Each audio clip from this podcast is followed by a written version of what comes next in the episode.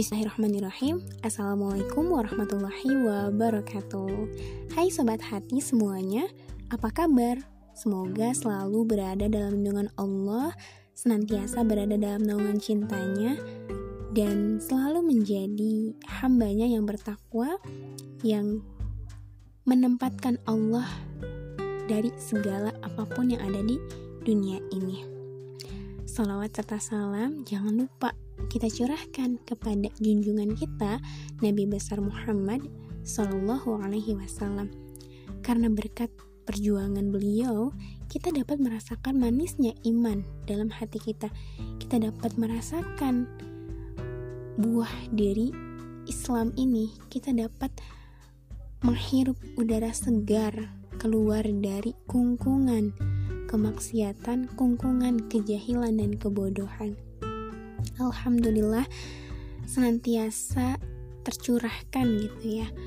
Senantiasa kita bersyukur kepada Allah atas segala rahmat dan karunia yang telah diberikan kepada kita.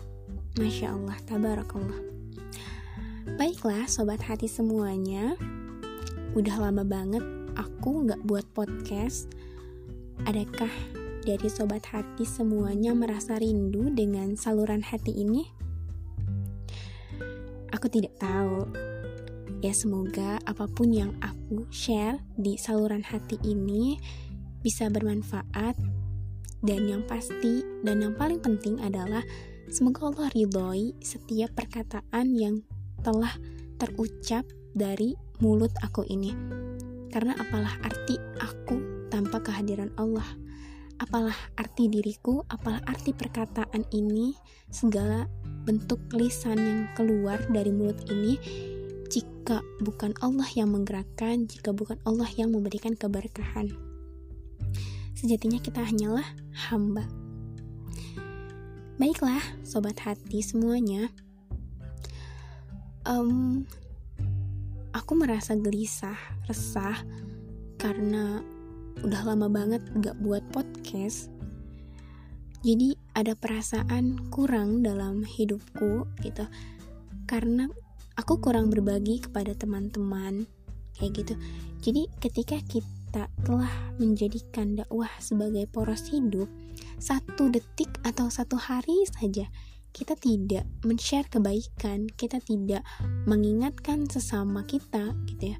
Itu rasanya hampa gersang kayak gitu. Dan gak karuan rasanya itu ada yang kurang kayak gitu. Dan mungkin itu adalah perasaan yang Allah benamkan dalam hati para pengemban dakwah. Dan itu kamu ya kamu semua yang mendengar podcast ini walau bagaimanapun kamu itu adalah pengemban dakwah.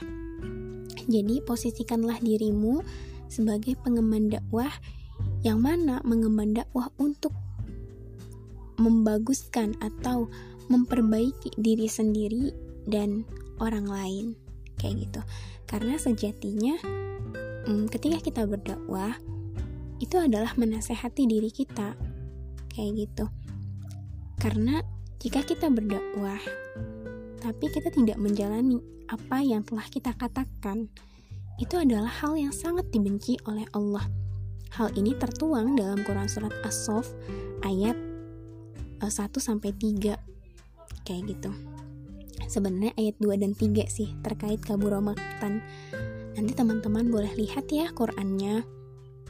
Kayak gitu. Jadi mengapa kita mengapa kamu um, mengatakan sesuatu yang tidak kamu lakukan? Sesungguhnya itu sangat dibenci di sisi Allah jika kamu mengatakan sesuatu yang tidak kamu lakukan. Begitu kira-kira artinya. Um, aku sengaja nggak um, bacakan ayatnya agar teman-teman nanti lihat di Quran Surat As-Sof ayat 2 dan 3 Baiklah, aku terlalu banyak baiklah ya.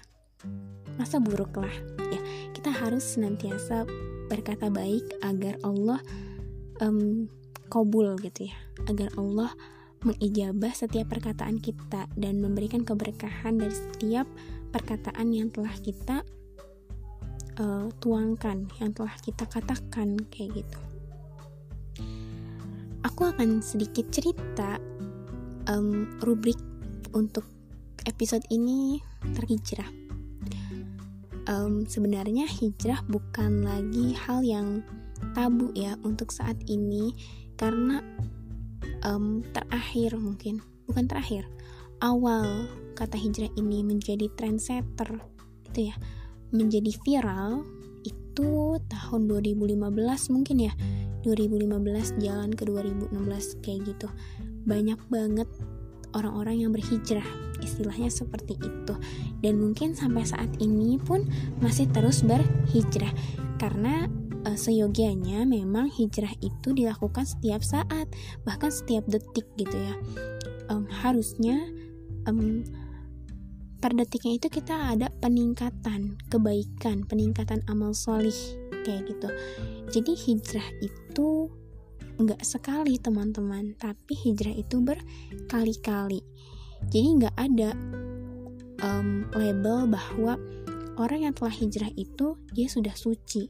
Enggak karena sejatinya manusia itu tempatnya salah dan khilaf.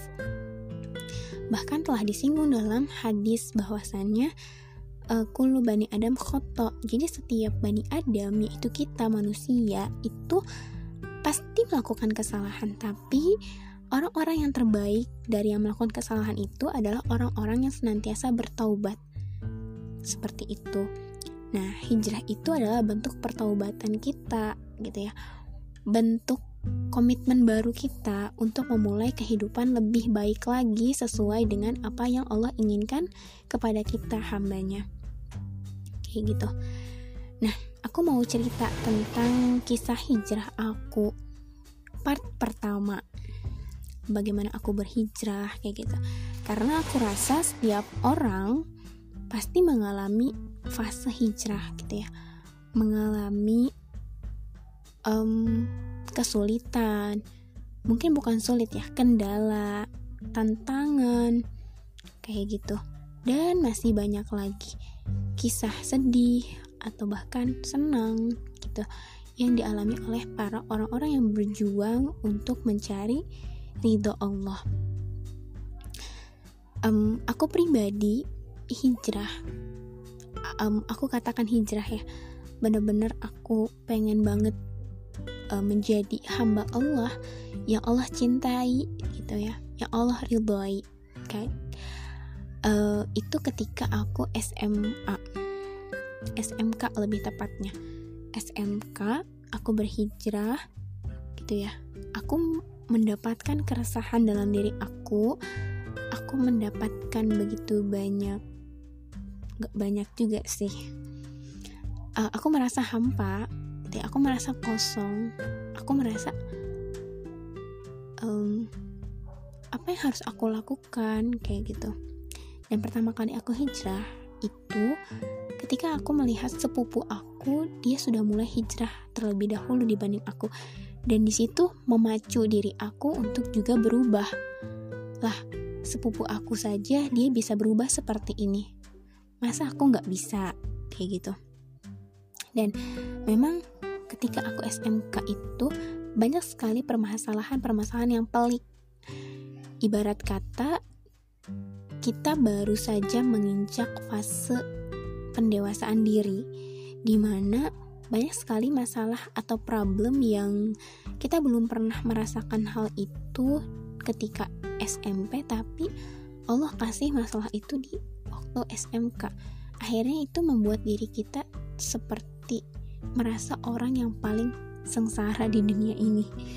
Itu ketika kita belum hijrah ya. Kita merasa diri kita itu kayak nggak berguna. Kita merasa diri kita itu yang paling sengsara. Beban kita itu yang paling besar dibanding orang lain. Padahal tidak seperti itu kan? Iya. Jadi itu yang aku rasakan. Akhirnya uh, karena beban hidup yang begitu berat yang membuat aku itu mencari kesenangan. Kesenangan untuk menghibur diri aku. Kayak gitu. Tapi aku terjebak pada kesenangan yang fana. Kesenangan dunia. Kayak gitu. Mungkin aku nggak akan terlalu banyak menceritakan tentang kesenangan dunia itu. Karena itu bagian dari aib. Ya kita sebagai muslim harus menjaga aib diri kita gitu ya ketika Allah saja sudah menutupi aib kita mengapa kita dengan mudahnya membuka aib itu sendiri? Jadi uh, tidak diperkenankan gitu ya bagi kita yang memiliki masa lalu kelam untuk membuka aib kita sendiri kayak gitu. Uh, tapi ini untuk menjadi pembelajaran aja buat teman-teman semuanya sobat hati yang ada di rumah atau di mana pun itu yang sedang mendengarkan podcast ini. Hmm, setiap orang itu punya masa lalu uh, dan kadar kelamnya itu ya um, tidak relatif ya relatif kadar kelamnya kayak gitu. Dan aku rasa masa lalu aku ya kelam. Ya. jadi um, intinya aku terjebak dalam kesenangan dunia yang fana. Um, aku apa ya menghabiskan waktu aku hanya untuk bergelut di dunia gitu ya. Bergelut untuk mendapat kesuksesan dunia semata untuk mendapatkan apa? Prestis gitu ya. Untuk mendapatkan penghargaan di mata manusia bukan di mata Allah kayak gitu. Ya seperti itu. Sampai kita harus menggadaikan menggadaikan apa ya? Kehormatan kita sebagai seorang wanita. Dalam artian um, aura tidak tertutup dengan rapi kayak gitu. Ya jadi itu sangat fatal kayak gitu. Sangat fatal sekali. Dan dan ketika kita mengingat hal itu rasanya bersyukur sekali. Allah mengizinkan kita untuk bisa berubah. Allah mengizinkan kita mengangkat derajat kita gitu ya. Mengangkat derajat aku pribadi untuk bisa mengenal Islam lebih jauh lagi untuk bisa menikmati manisnya iman dalam diri aku. Aku bersyukur. Jadi setiap mengingat masa-masa dulu itu aku senantiasa bersyukur atas segala rahmat dan karunia dari Allah. Mungkin aku nggak punya banyak kekayaan aku nggak punya banyak uang harta gitu ya tahta wanita. Aku nggak punya banyak tahta, harta gitu ya.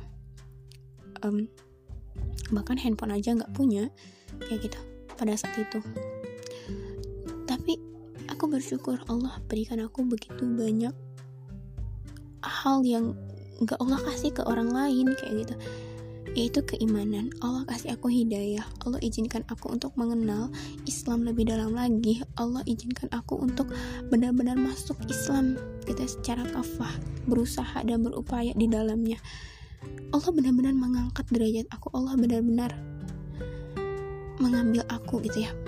Mengangkat aku dari keterpurukan hidup ini, dari kekosongan dan kehampaan hidup ini, dari kegelapan ya menuju cahaya iman itu sangat sangat aku rasakan dan itu sangat berbekas dan sangat berarti bagi hidup aku pribadi ya sangat luar biasa ketika kita mengingat masa kelam kita kita jauh dari agama Allah. Kita jauh dari aturan Allah. Seperti ya maka kenapa aku sekarang sadar gitu? Ketika Allah memberikan aku banyak cobaan aku sadar dan aku sangat sekali bersyukur. Sehingga aku sadar aku harus kembali kepada siapa? Iya benar.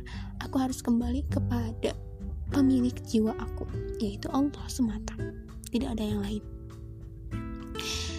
nah karena aku merasakan hal yang demikian akhirnya aku berupaya untuk berhijrah berubah menjadi manusia yang lebih baik lagi yang bisa kenal dengan Tuhannya yang bisa harapannya mendapat keriduan Allah dan bertemu dengan wajah Allah di akhirat kelak. Ya.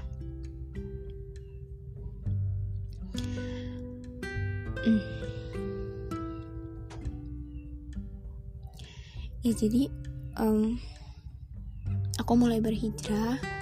Aku belajar dengan teman aku, dengan dengan sepupu aku lebih tepatnya. Aku juga diajak oleh sepupu aku ikut kajian bersama guru SMK aku. Di situ aku diajari tentang tauhid diajari bagaimana kita bergantung hanya kepada Allah saja kayak gitu.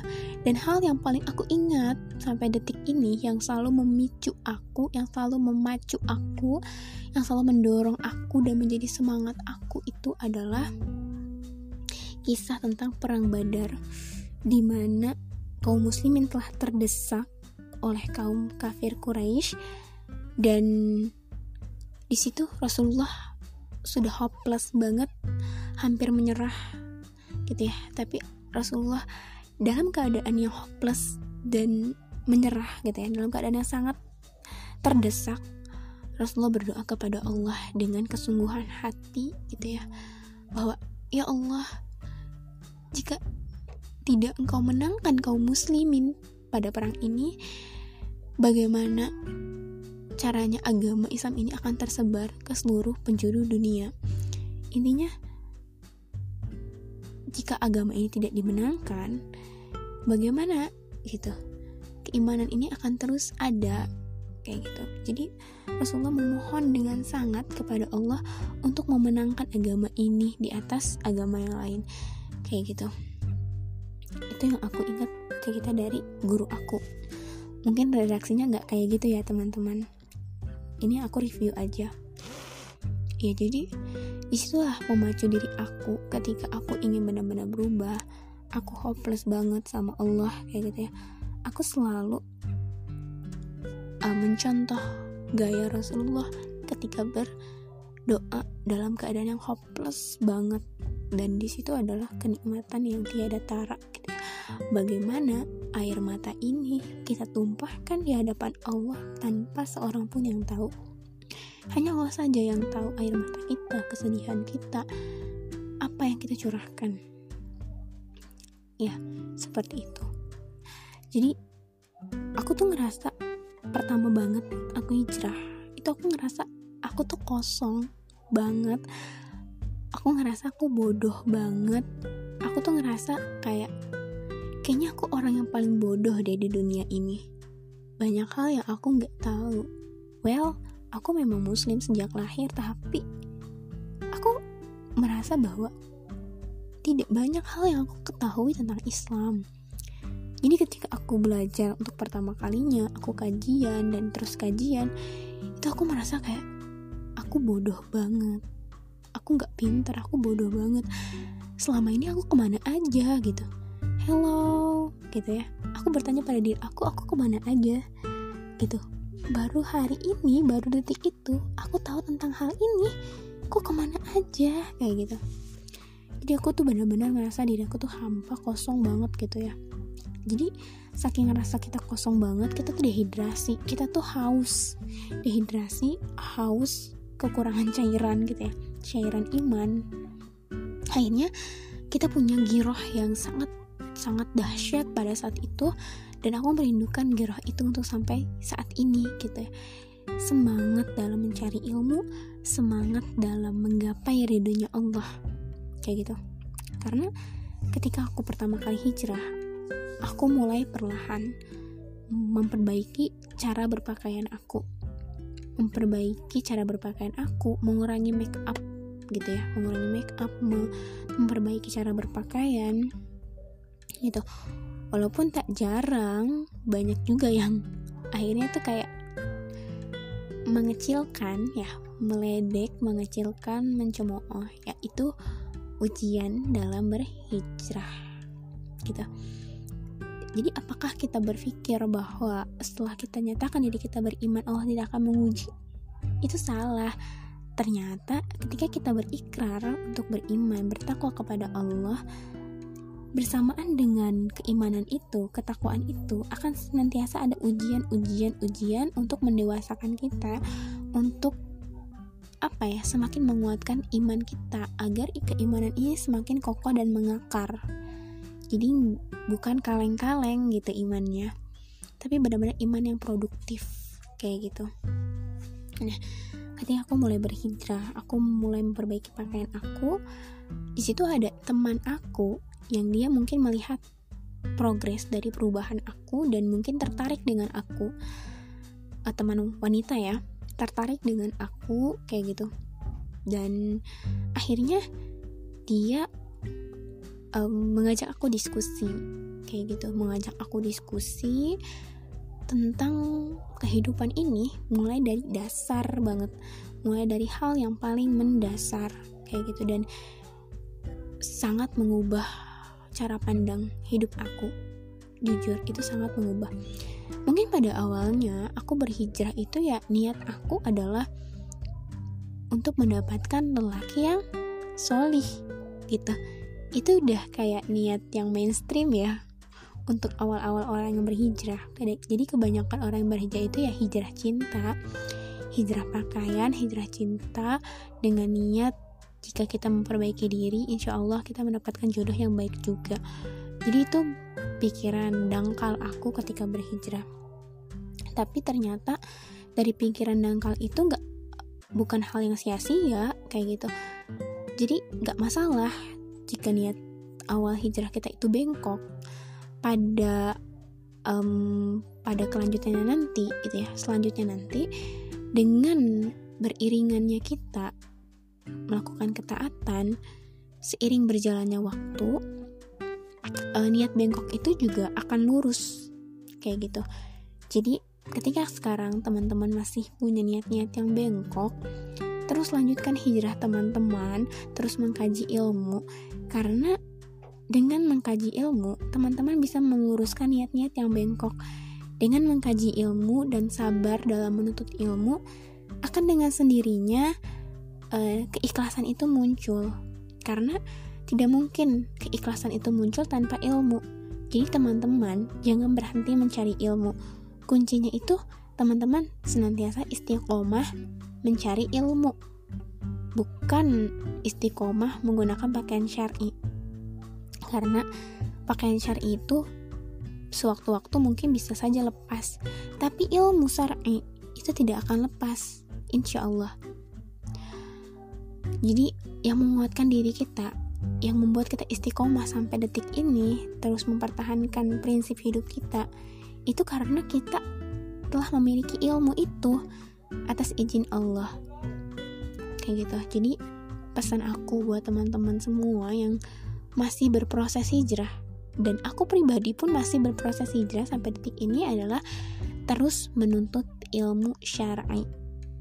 Kayak gitu. Karena sekali saja kita tidak menuntut ilmu maka segala bangunan ya segala hmm, apa hal yang telah kita bangun um, yang telah kita kokohkan dalam diri kita itu akan runtuh satu persatu karena kita tidak lagi mengikat hal itu dengan ilmu.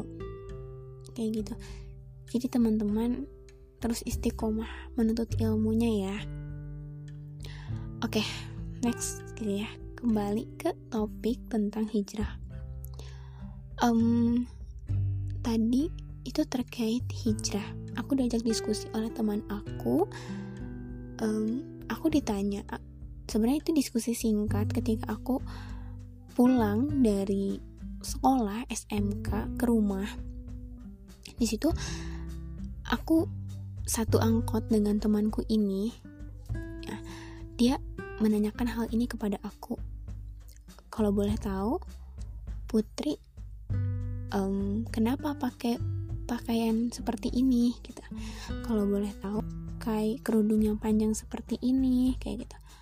Aku bilang ya karena aku muslim gitu. Ya karena emang ini kan pakaian buat seorang wanita kan ya? Gitu tuh. Dengan ragu dan malu-malu sih jawabnya karena jujur aku pakai tapi aku nggak tahu sih ilmunya kayak gitu. Ya cuman aku ngeliat orang-orang yang hijrah pakainya ya panjang kayak gitu. Ya udah aku juga pengen kayak mereka panjang dan ini lebih sopan. Itu sih jawaban aku. Terus kata teman aku ini tahu nggak sih put kita itu sebagai muslim dalam bertindak itu nggak boleh loh ikut-ikutan tanpa tahu dalilnya. Oh ya, itu kan kayak langsung dia berkata pelan banget santai, tapi langsung ngena gitu loh ke hati aku, kayak deg gitu. Oh iya gitu. Jadi tau nggak sih kalau kita itu katanya berpakaian berbuat sesuatu itu nggak boleh loh ikut-ikutan kayak gitu nanti um, dengan mudahnya kita akan kembali lagi ke masa jahiliyah kita gitu. Kalau kita sejak awal bertindak itu ya karena ngikut-ngikut tren. Karena memang pada saat aku hijrah itu ya memang lagi trennya hijrah. Jadi kayak hijrah itu jadi suatu yang tren dan dan viral gitu. Akhirnya tuh aku ikutan hijrah dengan niat yang bengkok yang aku udah jelaskan di awal tadi. Kayak gitu itu kan langsung kayak aku tersindir aku tercabik secara halus kayak gitu. Kamu tahu nggak dalilnya apa? katanya dia gitu. Enggak. Nah harusnya kamu tahu cari tahu dalilnya biar kamu juga teguh katanya menggunakan pakaian sharing ini. Jadi nggak asal ikut-ikutan orang kayak gitu. Karena kalau asal ikut-ikutan orang ya akan mudahnya kamu kembali lagi ke masa kelam kamu gitu. Intinya gitu ya. Oh iya ya. Gitu langsung kayak kayak langsung di situ tuh kayak ya kecabik-cabik. Dan di situ aku berpikir untuk aku kayaknya harus istiqomah mencari ilmu deh gitu. Aku harus istiqomah. Aku harus cari ilmu di mana pun itu kayak gitu. Kayak gitu. Dan akhirnya um, dia juga ngajak aku diskusi kan untuk beberapa pekan untuk beberapa hari. Itu dia senantiasa ngajak aku diskusi kayak gitu. Dan aku tuh mengiyakan karena memang aku ngerasa diri aku tuh nol banget gitu tentang ilmu agama. Bener-bener nol. Walaupun background aku sih dari MTS ya awalnya tapi ya ya cuma tahu teori aja gitu. Nah dari situ diajaklah diskusi sama dia ditanya dengan pertanyaan-pertanyaan mendasar. Dari mana kamu berasal? Untuk apa kamu hidup? Dan akan kembali ke mana sih kamu setelah kematian gitu? Setelah kehidupan ini berakhir. Itu pertanyaan simpel loh teman-teman. Tiga hal yang sebenarnya harus banget loh kita tanyain ke diri kita. Apakah kita hidup ini cuman buat foya-foya? Cuman buat ngumpulin harta sebanyak-banyaknya? Cuman buat pacaran cuman buat hibur-hiburan gitu doang gitu. Cuman buat menyenangkan hati kita doang memuaskan nafsu kita doang gitu. Itu harus ditanyain dari sekarang gitu ya. Itu kayak yang aku baru mendapatkan hal yang baru banget aku dapatkan gitu. Dan di situ benar-benar membuka cakrawala berpikir aku. Aku mendapatkan banyak sekali wawasan ilmu dari teman aku ini kayak gitu. Dan pertanyaan ini sangat magic banget sih sangat luar biasa sebenarnya ini udah aku bahas ya di podcast awalan gitu ya nanti teman-teman jika berkenan boleh ya dengar podcast aku di awal-awal aku sudah bahas tentang dari mana kita berasal, untuk apa kita hidup dan akan kembali ke mana sih kita setelah kematian kayak gitu. Itu lebih detailnya ada di podcast aku. Aku aku lupa judulnya. Iya. Jadi di situ aku mulai terbentuk jati diri aku, aku mulai terbentuk prinsip hidup aku kayak gitu ya bahwa oh iya, kita berasal dari Allah, hidup kita untuk beribadah kepada Allah dan nanti setelah kita wafat kita akan kembali lagi sama Allah mempertanggungjawabkan segala amal kita mulai dari balik hingga wafat. Itu kebayang gak sih teman-teman? Kalau teman-teman pusing mikirin LPJ-an bagi orang yang berorganisasi. Itu kan pusing banget ya mikirin LPJ-an kayaknya ruwet banget kayak gitu. Terus kayak banyak banget yang harus kita kumpulkan data-datanya kayak gitu. Yang harus kita edit yang harus kita analisis kayak gitu ya. Dari LPJ-an itu. Dan itu benar-benar pertanggungjawaban. Itu padahal baru pertanggungjawaban di dunia gitu ya. Baru perkara satu perkara gitu ya satu perkara organisasi itu doang. Bayangin gimana jadinya ketika kita ditanya LPJ di akhirat. Dari balik hingga wafat. Dan per detiknya itu tidak luput dari pengawasan Allah. Itu kayak yang aku dalam ludah aku kayak yang berpikir iya ya hidup mau ngapain lagi sih? Kita hidup mau mau apa lagi gitu? Karena cepat atau lambat dunia ini akan berakhir. Entah esok lusa satu tahun kemudian atau kapan itu. Ini semua ini tuh rusak. Semua itu akan berakhir. Yang hidup akan mati gitu. Bahkan bumi kita saja sudah semakin tua kayak gitu jadi aku berpikir kayak aku mau ngapain lagi sih hidup? Kayak gitu. Aku mau nyari apa lagi sih? Kayak gitu. Di situ aku langsung mulai ada titik balik ya. Titik balik dari jahiliyah menuju apa? Menuju cahaya Islam ya. Semoga amin amin Allahumma amin. Menuju yang Allah ridhoi menuju ketaatan.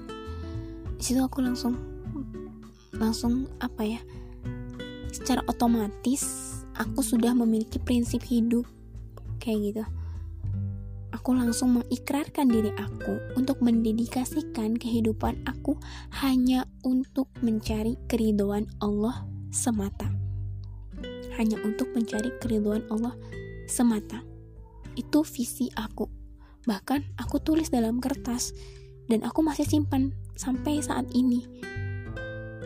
Itu bulan April 2017, aku inget banget. Dan itu sangat berkesan kertas yang sangat luar biasa. Di situ aku tulis visi hidup aku, misi hidup aku sampai detik ini aku masih menyimpan itu semua. Karena itu merupakan pengalaman hijrah aku kayak gitu. Bagaimana um, Allah mengangkat derajat aku gitu ya, mengangkat diri aku dari kubangan kehinaan menuju kemuliaan Islam gitu Allah itu sejatinya menginginkan kita itu menjadi mulia, bukan menjadi hina. Jadi uh, kita ini kan berasal dari maha mulia, gitu ya. Harusnya kita memuliakan diri kita, kayak gitu. Bukan malah menghinakan diri kita. Oke. Nah, jika kita ingin mulia, maka kita harus berorientasi pada kemuliaan yang Allah aturkan bagi hidup kita. Jadi itu sih singkat cerita uh, pendahuluan bagaimana aku mulai resah dengan kehidupan aku dan akhirnya aku berhijrah dan aku menemukan prinsip hidup aku bahwasanya aku akan mendedikasikan kehidupan aku hanya untuk Allah semata insya Allah um, di cerita selanjutnya aku akan berkisah tentang perjuangan aku setelah aku mendapatkan visi hidup. Jadi ujiannya semakin semakin semakin luar biasa. Dan itu sangat nikmat. Terima kasih ya Allah. Engkau mengizinkan aku menjadi salah seorang yang engkau berikan hidayah dan engkau izinkan aku untuk mencicipi manisnya iman bertawakal hanya kepada engkau Alhamdulillah ala kulihal Terima kasih teman-teman yang telah berkenan mendengarkan podcast ini. Semoga bermanfaat. Assalamualaikum warahmatullahi wabarakatuh.